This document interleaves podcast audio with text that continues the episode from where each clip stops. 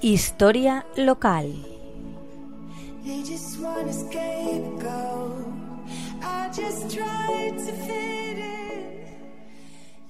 Buenas tardes, amigas y amigos de la Tegua Radio. El próximo miércoles, día 21, comienza el invierno, la estación alabada y odiada a partes iguales. Las bajas temperaturas y la escasez de luz a veces nos desaniman y nos hacen creer que nos adentramos en una de las peores épocas del año. Hoy, a punto de finalizar este año, vamos a recordar el origen del nombre de los meses. Para empezar, digamos que calendario deriva del latín calendae, nombre con el que los latinos indicaban el primer día del mes. Los doce meses tienen nombres de origen latino.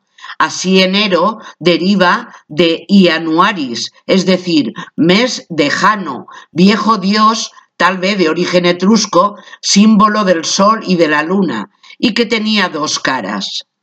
Febrero era el mes de la purificación, Februs, de Februarius. En su segunda quincena se celebraban las fiestas lupercales, con solemnes purificaciones de los vivos y conmemoraciones de los difuntos. Marzo, dedicado a Marte, el dios de la guerra, en la antigua Roma el año comenzaba precisamente en este mes. No olvidemos que Marte era el padre de Rómulo, fundador de la ciudad. Abril es el mes en que abren, aprilis, las fuerzas de la naturaleza para la evolución de los vegetales. Mayo conmemoraba a Maya, hija de Allante, madre de Mercurio y símbolo de la festividad de los cereales. Junio es el mes al que se le atribuyen dos orígenes distintos.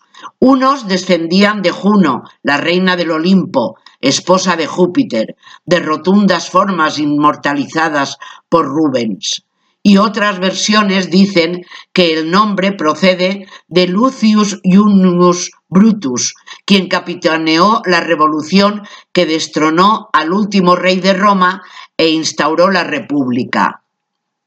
Julio, dedicado a Julio César, nacido en un parto difícil provocado por una operación que aún se practica hoy y que por ello se llama cesárea.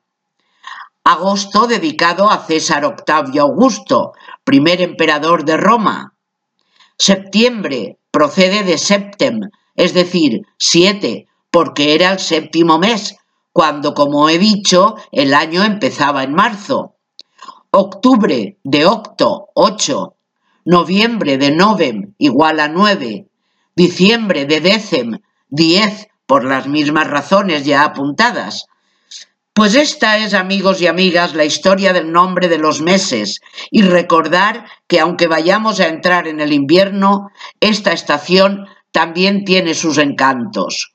Que paséis unas muy felices Navidades hasta la semana que viene.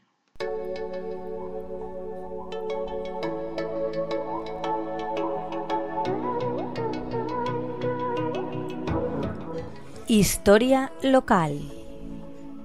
Just